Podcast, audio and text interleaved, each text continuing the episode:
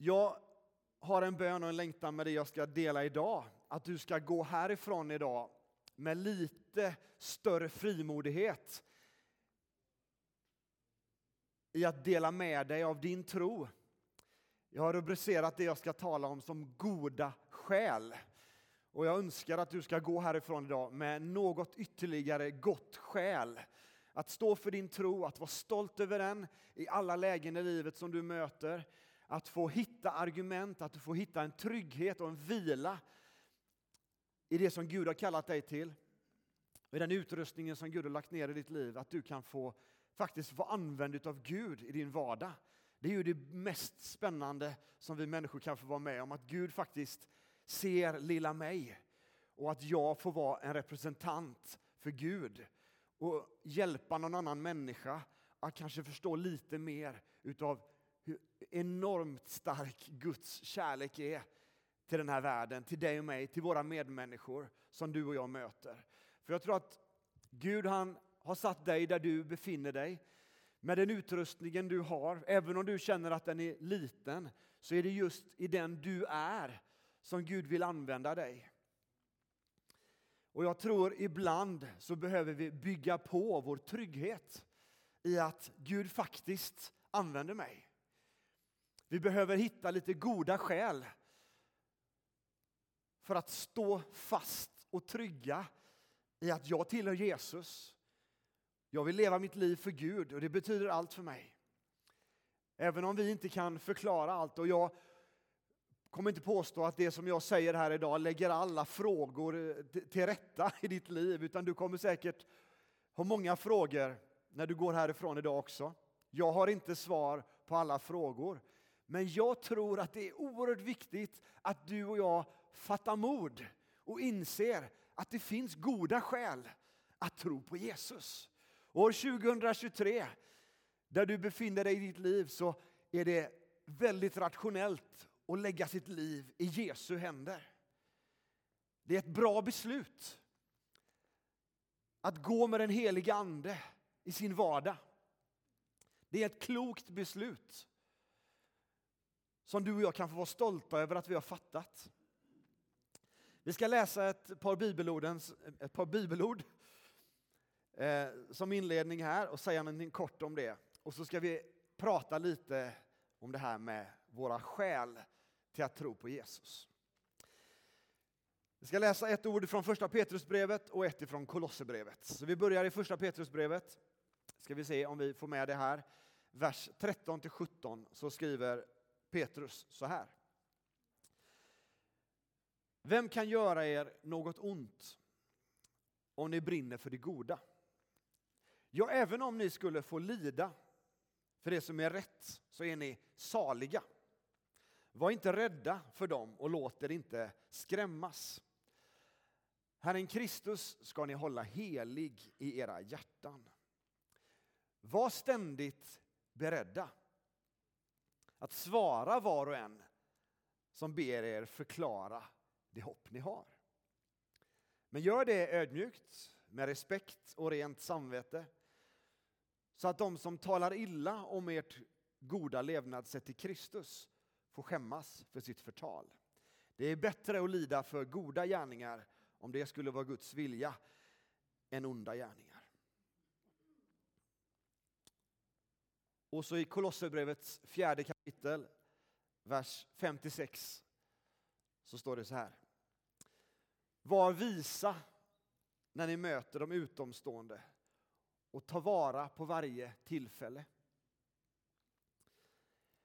Ert tal ska alltid vara vänligt, kryddat med salt, så att ni vet hur ni ska svara var och en. Här är det Petrus först och sen är det Paulus som skriver. Lite liknande uppmaningar om att stå för vår tro. Att vara beredda att svara de som vill ha svar, som ber oss förklara vår tro. Paulus skrev att vi ska ta vara på varje tillfälle. Att vårt tal ska vara sådär lite utmanande, kryddat med salt, men det ska också vara vänligt. Men att vi behöver veta hur vi ska svara var och en. Jag vet inte hur du känner. När människor kommer till dig och ställer kritiska frågor kring din tro, vet du alltid vad du ska svara? Ehm, det var inte så många. Det var bara Sandra som hade full koll. Nej. Det är ju så. Vi möter ju massa situationer där vi inte har alla svaren. Och vi ska inte heller utge oss för att vara människor som har alla svaren. För det kommer vi aldrig ha. Men jag tror å andra sidan att vi behöver ha en del svar. Eller hur? Vi behöver ha några skäl som vi känner att det här kan jag luta mig mot i mitt liv. Även om inte jag kan förklara alla saker så har jag tillräckligt mycket på fötterna som gör att jag kan känna mig trygg i att gå med Gud den här dagen och att stå för att jag vill lägga mitt liv i Guds händer. De här hälsningarna som är skrivna i första Petrusbrevet och i Kolosserbrevet är ganska intressanta för det är två olika författare men de är båda de här breven är ju skrivna till människor som lever i en ganska liknande miljö i det som var den mindre Asien, nuvarande Turkiet, där Eh, många hedna kristna levde, eh, där församlingen levde som en minoritet under det romerska väldet, där man var utsatt om man tillhörde Jesus för förtryck, för påtryckningar och för det som inte var så populärt att stå för. Många människor, Petrus bland annat, led ju martyrdöden också. Eh, han satt ju i Rom i fängelse tror jag när han skrev det här brevet och det gjorde nog Paulus också när han skrev till kolosserna här. Eh, så de visste ju vad de talade om när man pratar om att man kunde få lida för goda gärningar. Och du och jag, vi lever ju också i ett samhälle idag som kanske inte alltid menar att det är så populärt att säga att man tror på Jesus. Att det alla de här sakerna som vi ska tala om här nu, som den kristna tron har med sig, är ju inte att vara populist och göra det som är mainstream, utan det är ju faktiskt att stå för någonting som är utmanande och som menar att det finns en väg som, Jesus, som är Jesus, som människor behöver ärligt talat böja sig inför. Vi behöver ta emot Jesus, vi behöver böja knä inför en Gud som är universums herre. Man behöver ödmjuka sig inför någon som ska bestämma över ens liv. Det där är ju inte så populärt. För i vårt individualistiska, individualistiska samhälle så är det så att där ska ju du vara i centrum i universum, eller hur? Men i den världsbilden som är den kristna världsbilden så är det inte du och jag som är i centrum, utan det är Jesus som är i centrum. Det är Gud som är fokus för våra liv och det är hans vilja som vi utmanade och böja oss inför och rätta oss inför. Därför att han är en god Gud som vill oss människor väl.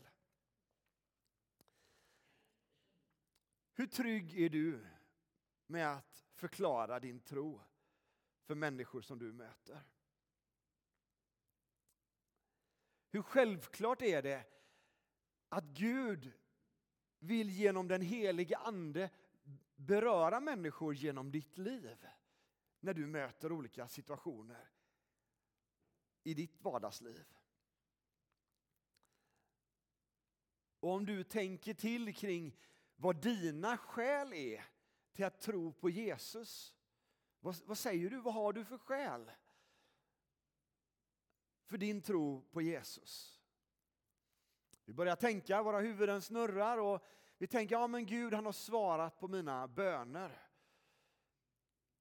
Det kan vara ett argument som vi använder. Ett annat kan vara att vi upplever att det känns rätt att tro på Jesus, att tro på Gud, det känns bra. Eh, vi har det fint i den kristna gemenskapen och det verkligen ger mig eh, stabilitet.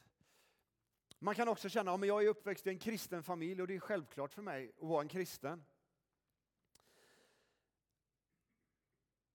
Ja, massa olika skäl som alla på olika sätt handlar om att man får frid och upplever trygghet i relationen till Gud. Och vi kan ju ha olika argument, argument för vårt varför, men någonstans så är ju ändå frågan hur långt håller våra argument när vi börjar prata med andra människor? När människor börjar skärskåda vår tro och ställer oss frågor. Hur trygga är vi med att de här argumenten bär sig?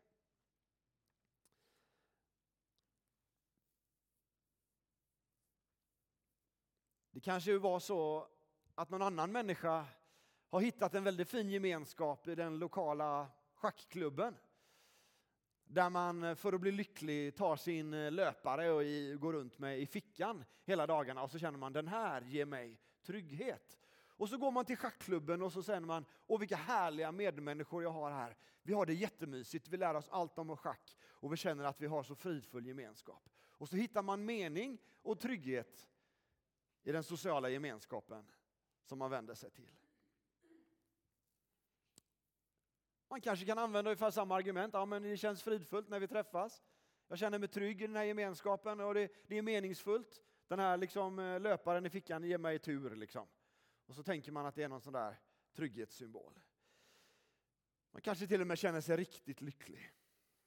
Nu raljerar jag lite över de här sakerna, men vi har ofta känslomässiga argument och det ska vi ta med oss och vi ska återkomma till det alldeles strax och vikten av de sakerna också ska få räknas in. Men vad är det för skillnad? Vi behöver fundera lite över det ibland. Hur hade du haft det om du hade varit uppväxt i en hindufamilj?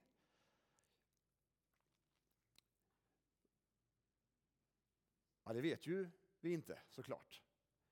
Men vad har vi för frågor vi, vi ställer oss? Hade vi varit kristna ändå? Eller hade vi gjort som vi blev uppfostrade? Och då får vi fundera oss, vad är drivkraften i vårt sökande? Är vi ute efter att liksom bli accepterade i den sociala kompisgemenskapen? Eller är vi ute efter att faktiskt söka sanningen? För jag tror ju, och det förstår ni ju efter sakens natur som pastor, så tror jag på det här. Jag tror att det är det bästa du kan göra att leva ditt liv för Jesus och det finns goda skäl och vi ska prata om dem här nu. Men jag tror att vi behöver också ställa oss de här frågorna.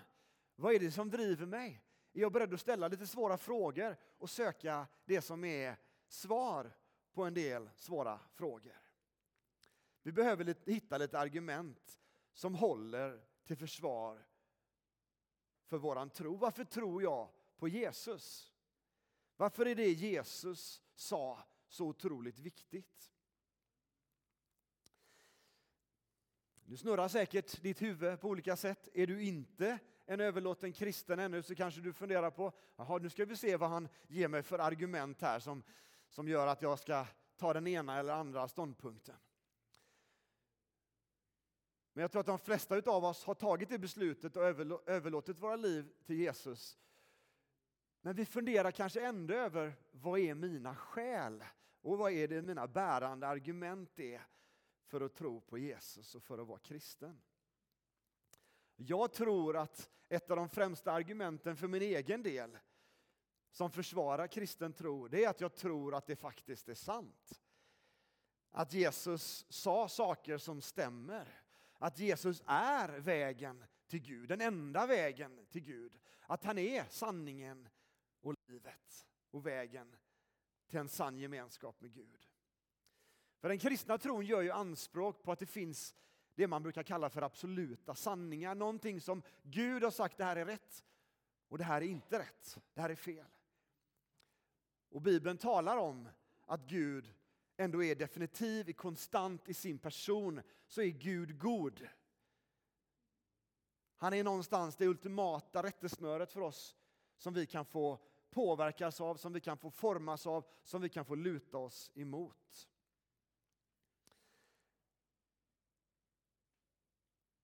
Utgångspunkten för det här som vi har är ju bibelordet, eller hur? Guds ord. Och då kommer man ju till det här som en del människor säkert har ställt dig inför också. Men den gamla boken. Är det någon som har sagt något sånt liknande till dig någon gång? När du pratar om att du tror på vad som står i Bibeln. Och då måste vi fundera över, kan vi lita på Bibeln? Är det inte bara att tolka den lite som man vill?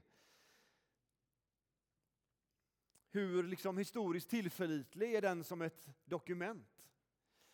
Och det här är ju intressant faktiskt, hur Bibeln är väldigt stabil att luta sig emot som historiskt dokument. Historisk tillförlitlighet får ju en, ett dokument ju fler liksom kopior och avskrifter det finns utav ett dokument som, som säger samma sak, desto mer kan man lita på att det här är en, en skrift som stämmer. Det har funnits några avskrifter som, ju fler det finns kopior utav det, desto mer trovärdigt är det då som ett historiskt dokument. Eh, och där då de är samstämmiga såklart. Och då finns det ju faktiskt ingen annan skrift som är ens i närheten utav att ha så många eh, avskrifter som Bibeln har för att vara en pålitlig text. Det finns ju andra böcker som används när man undervisar i skolan och så. Men då pratar man ju liksom om kopior i ental eller i hundratal. Men i de bibliska dokumenten så är det tusentals kopior på samma texter som det finns. Som styrker att det här är en trovärdig källa. Så där, där kan du forska i. Det där är ju bara att sätta sig och googla och läsa i, i, i lite olika... Du får vara källkritisk såklart när du letar efter källor som alltid. Men där kan du känna dig trygg i att bibelordet är någonting som, som vi kan lita på. Det innebär ju inte att allting är lätt att förstå som står i Bibeln. Men om vi pratar om boken Bibeln som en inspirerad skrift av den heliga Ande där Gud har inspirerat människor att skriva ner saker som berättar för oss om Guds rike, om vem Gud är, vad Jesus gjorde och så vidare, så är Bibeln en trovärdig bok. Och Det här är argument som du kan använda och lita på att Bibeln är en trovärdig källa. Det innebär ju inte att vi lättvindigt ska svara Jesus på alla frågor som människor ställer oss. Men vi kan luta oss emot att Bibeln är en källa som vi kan ösa ur. Det kommer inte heller visa oss att allting i livet är svartvitt och jätteenkelt att förklara, utan en del frågor är ju komplexa och vi behöver kämpa och brottas med dem. Men det finns en plattform att stå på som håller. Och den kristna tron, det främsta argumentet för mig när jag har funderat över varför tror jag på Jesus, varför vill jag vara kristen? Det är för att jag tror att det här är vettigt. Det här är någonting som är bra att tro på. Vi håller på att samla en liten stab som kan vara med och driva en alfakurs. Och en av de här ståndpunkterna som Alfa står på, det är ett citat som, C.S. Lewis, som vi har av C.S. Lewis. Jag tror att det finns en bild där. Har du med den? Nej. den ligger i vårt eh, dokument där. Jag tror du kan hitta det där. Jag ska bara... Du har den där? Ja, precis. Då hittar du den. För jag tror att det finns ju lite tänkare som vi kan använda oss av, som har tänkt. Och C.S. Lewis är ju en sån försvarare för den kristna tron. Han uttrycker det så här om den kristna tron. Om kristendomen är osann så är den inte viktig. Om den är sann så är den oändligt viktig. Det enda den inte kan vara, det är måttligt viktig. Och det är ju ganska logiskt. För det Jesus sa och det han gjorde var ju ganska exklusiva anspråk på att han är enda vägen till Gud och så vidare. Så kristen tro för mig, det är vettigt att tro på Jesus. Och det är någonting som jag stryker under att det här är oändligt viktigt. Eh, och där är ju alfakursen, jag ska göra lite reklam för det här då. Vi är inte riktigt där ännu att vi eh, har sagt när vi startar och så, men är du intresserad av att vara med och, och bygga en, en en yta där människor kan få komma med sina svåra frågor, där du kan få bjuda in dina vänner som kanske har funderat lite över kristen tro, så är den här alfakursen verkligen någonting som du ska vara med och engagera dig i. För här är ett sätt att, att förhålla sig till frågorna som jag tror är väldigt, eh, skapar goda samtal och ger ett väldigt sunt samtalsklimat utifrån att prata om kristen tro. Så kristen tro är ingen sån där, ja, vi får se-grej. Utan någonstans så, ge, så ställs vi inför riktiga frågor. Antingen är det här väldigt viktigt eller också är det ju inte sant och då behöver vi inte bry oss om det. Men eftersom jag står här och du sitter här så tror vi ju att det här är oändligt viktigt för våra medmänniskor att få hitta vägen till Jesus. Jag tänker så här när vi pratar argument för kristen tro så är ju skapelsen ett av de största argumenten för mig. Att tro att det finns någon som har tänkt bakom den här fantastiska skapelsen vi står i. För mig är det väldigt osannolikt att slumpen har skapat liv ur ingenting. Däremot så är det mer rimligt att det finns någon som har designat det här, som har tänkt tankar och som använder sig av ett system för sin skapelse. Och Det här kan man prata om på många olika sätt. Och Det här kan du också använda när du argumenterar med goda skäl för att tro på Jesus. Att skapelsen är ett bevis på Guds all, allmakt och på Guds eh, genialitet att ligga bakom sin skapelse. Det finns ju en bred fåra i, i liksom, eh, som basuneras ut i skolan kring evolutionen och man pratar om arter som har blivit andra arter. Men om vi börjar liksom granska de här argumenten så finns det ju inga bevis någonstans i evolutionen att en art har muterat till en annan art. Utan det finns ju arter som har utvecklats inom arten, men de felande länkarna är ju alltid där när man pratar om mellan arter. Ja, nu vet jag inte om jag använder liksom svårt språk, men det är inte särskilt svårt språk egentligen. Men det här kan du också sätta dig in i. Och det här är ingenting att vara rädd för att prata kring. För vetenskap och kristen tro, det är inga motsättningar, utan Gud han ligger bakom naturen. Och du kan hitta stabila argument för att se att det finns en skapare som har tänkt. Och för mig är det vettigt att Gud har skapat myran och elefanten och till och med min vackra hustru. Gud har designat det här. Och du och jag, vi behöver inte Åh nej, vad är det här för argument? Utan du och jag kan få jobba med de här argumenten. Är du intresserad av vetenskap och tro, läs om det, forska i det, fundera kring det. Det funkar och det håller att hitta bra argument där du försvarar din tro även utifrån skapelsen. För i min värld så är även när vi pratar om eh, de som försvarar evolutionen och olika saker, där är också mycket tro inblandad. För det är mycket gissningar och antaganden emellan de här argumenten. Och vad är det om inte också en tro på någonting som jag har svårare för att tro på faktiskt. Sen är det så med det kristna budskapet. Det är ju helt fantastiskt det som Gud har dukat upp för dig och mig människor. Evangeliet, där Gud har brutit in i historien och tagit på sig allt det som du och jag inte klarar. Att han ger oss hopp trots att vi inte lyckas perfekt själva. Att det finns förlåtelse som inte beror bara på hur bra jag kan prestera i livet. Att det handlar inte om mig och min förmåga, utan det handlar om att Gud som är bakom alltihopa och som är universums Herre, han har ordnat en väg fram för oss människor där vi kan få ta emot förlåtelse, där vi kan ge förlåtelse, där försoning kan få ske. Det kristna budskapet det är sprängstoff för den här världen. Att få ta emot förlåtelse, att få leva sitt liv i försoning. Det skapar frid mellan människor, det skapar nåd som en grund i relationerna.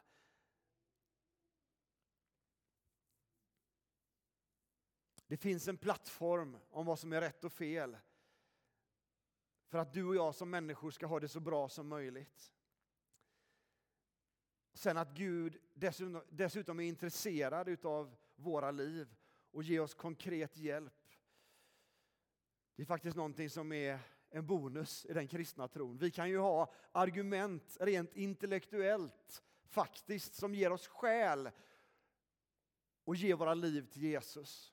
Men sen att vi dessutom kan få uppleva Andens kraft. Och det tänkte jag skulle lägga några minuter nu i slutet av min predikan på att prata om just den biten. För det är ju faktiskt så att vi finns ju dessutom i ett pingstkarismatiskt sammanhang där vi säger att Gud har utgjutit sin ande över alla människor. Vi sitter här idag för att Gud har rört vid våra hjärtan. Och då är ju frågan, hur mycket kan vi räkna med det här som Gud faktiskt gör i våra liv? Som också argument för vår tro. Kan man ens ha det som argument eller är det bara känslosvall? Eller är det faktiskt också saker som vi kan argumentera med på ett logiskt sätt?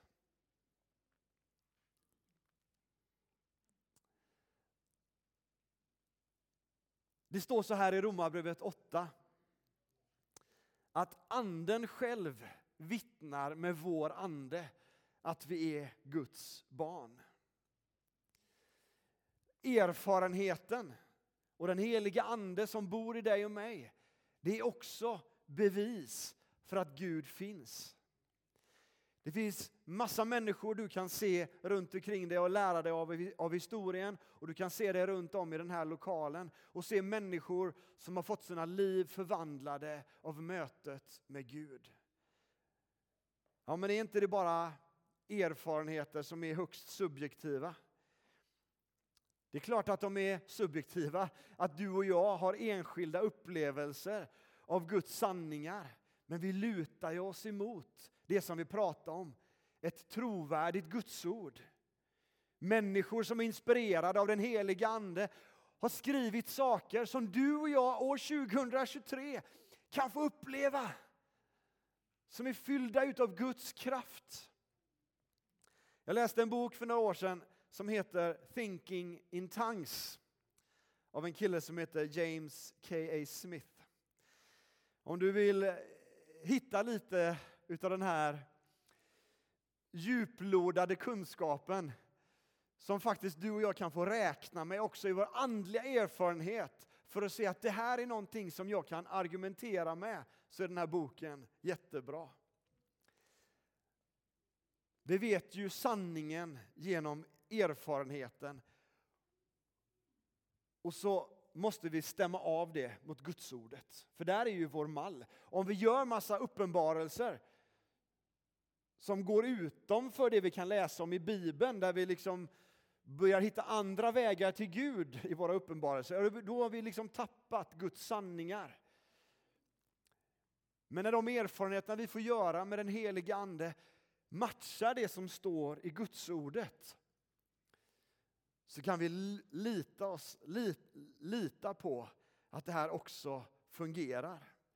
Han kallar i den här boken det för känslomässig kunskap. Och vi behöver ta med det i beräkningen. Jag ska ge dig något litet citat här. Försök att hänga med. För det här är lite, tycker jag, eh, ibland är det bra att få någon som har tänkt och som har formulerat någonting som man kan ta med sig. Eh, det här är då översatt från engelska. Vi kör det bara på svenska, försök att lyssna. Så här säger då James K.A. Smith. Ett av mina påståenden i den här boken det är att pingstandlighet eller pentekostal andlighet är relevant och viktig, inte bara för religiös uppbyggelse utan också att den pentekostal världsbild har någonting unikt, kraftfullt och livskraftigt att säga till den akademiska världen. Just därför att det är underförstått att i den pentakostala praktiken ligger ett annat sätt att förklara vårt varande i den här världen den erfarenheten som du och jag kan få göra av den helige Ande påverkar vår världsbild. Vi ser att det finns en andlig verklighet som vi behöver få upp våra ögon för. Vi vet att det är en andlig strid som vi lever i idag. Djävulen vill förblinda människors ögon så att man säger nej, nej, det finns ingen andlighet eller det där är bara påhitt. Men den helige Ande vill göra dig och mig medvetna om att vi står i en andlig strid. Och den här tidens Gud, fienden själv, han vill förblinda människors ögon. Han är ju själv den som vill stjäla, slakta och förgöra och inte minst förvirra vår samtid. Men du och jag, vi kan få visa människor att det finns en verklighet bortom den vi ser. Vi kan få göra en andlig erfarenhet med den helige Ande som är kraftfull, som ger oss mening i livet och som bär och litar på. Han skriver så här, ett kort citat till. Jag vill därför erbjuda en tolkning av pingstkarismatisk tro som inte bara innebär att man talar i tungor utan också, för att använda den här bilden då som hans bok heter, att tänka i tungor. Någonstans kan vi få en världsbild som är med öppnade ögon inför den andliga verkligheten. Vad var det som hände Petrus på pingstdagen? Ni vet, när alla var samlade i Jerusalem. Så kom den helige ande över församlingen och de började tala i massa främmande språk, tala i tungor. Så det, alla människor som var tillresta där hörde massa olika språk. På massa olika språk så hörde de människor predika på sitt hemspråk. Ett övernaturligt ingripande. Och det som var samtidens tolkningsmodell utav det, det som dåtidens kritiker tänkte in vad människor säger idag kring ditt liv och kring vårt liv. Det man sa då, det är att det här är ju liksom en effekt av att de är fulla. Eller hur? Det var liksom en, eh, en tolkningsmodell utan, utifrån att de var berusade. Men Petrus, som själv var fylld av den heliga Ande, han ställde sig upp och argumenterade. Nej, nej, det är inte som ni säger. De är inte berusade. Det är, det är inte ens liksom sent på kvällen ännu, utan det är mitt på dagen och de här det är människor som är fullt nyktra. Det är det här som händer. Och så börjar Petrus med den helige Andes kraft över sig förklara de gamla skrifterna som talade om att i den sista tiden så ska den helige Ande bli utgjuten över allt kött. Och så började han förklara profetböckerna för de som var samlade där. Och så förklarade han evangeliet om Jesus och vad som just hade hänt. Så fick han använda goda skäl och goda argument och lägga ut texten kring det övernaturliga som just hände. Du och jag vi kommer aldrig kunna förklara allt övernaturligt som händer. Men ju mer vi lever i det övernaturliga, desto mer kommer vi också vara trygga i att förklara i det som den helige Ande gör där vi går fram i våra liv. Och Petrus, han visade på sin pingstvärldsbild, om man nu säger så. Det är ju inte bara pingstkyrkan som har den helige Ande. Det kan vara bra att stryka under. Jag tror inte det. Utan den helige Ande verkar över Guds folk. Lika bra att göra klart det så inte någon tänker att aha, han sa att det är bara dem. Nej, det sa jag inte. Men jag sa att vi tillhör i alla fall den familjen som är tacksamma för att Gud har utgjutit av sin ande. Och vi behöver inse att det påverkar vår världsbild. Vårt sätt att förklara verkligheten kan få ha ett andens ljus över sig. Och vi kan vara trygga i, när vi möter människor som inte förstår vad vi håller på med, att vi kan få förklara i, förklara oss kring att det här är någonting som händer när en människa får upptäcka Guds kärlek i sitt hjärta. Så sprudlar det över av levande vatten som Sandra läste. Så det blir ett källsprång av liv som bara delar med sig utav allt det här goda som Gud har gjort i våra liv. Så Petrus tal på pingstdagen det är ett annat sätt att förklara det som de andra kallades för berusning. Han kallar det att skriften går i uppfyllelse. Och vi behöver ju självklart använda bibelordet som en mall för de erfarenheter, de profetiska tilltal som den heliga Ande vill ge dig. Den uppenbarelse som Gud vill ge oss. Att tala ord in i varandras liv. Vi behöver självklart ha Bibeln som en mall. Så att du inte börjar ta emot profetiska ord som leder dig åt fel håll. Därför behöver vi kunna den här kartan. Vet ni om att det här är en karta? Så att vi lär oss att navigera efter det som Gud har gett oss så bra som möjligt. Men jag tror att vi som troende, vi ska lita på den heliga Andes verk i våra liv. Det är också goda skäl för vår tro. Det som Gud gör i våra liv kan vi få använda som argument också. Ytterst handlar det om att lita på och tro att det som Bibeln lär är sant.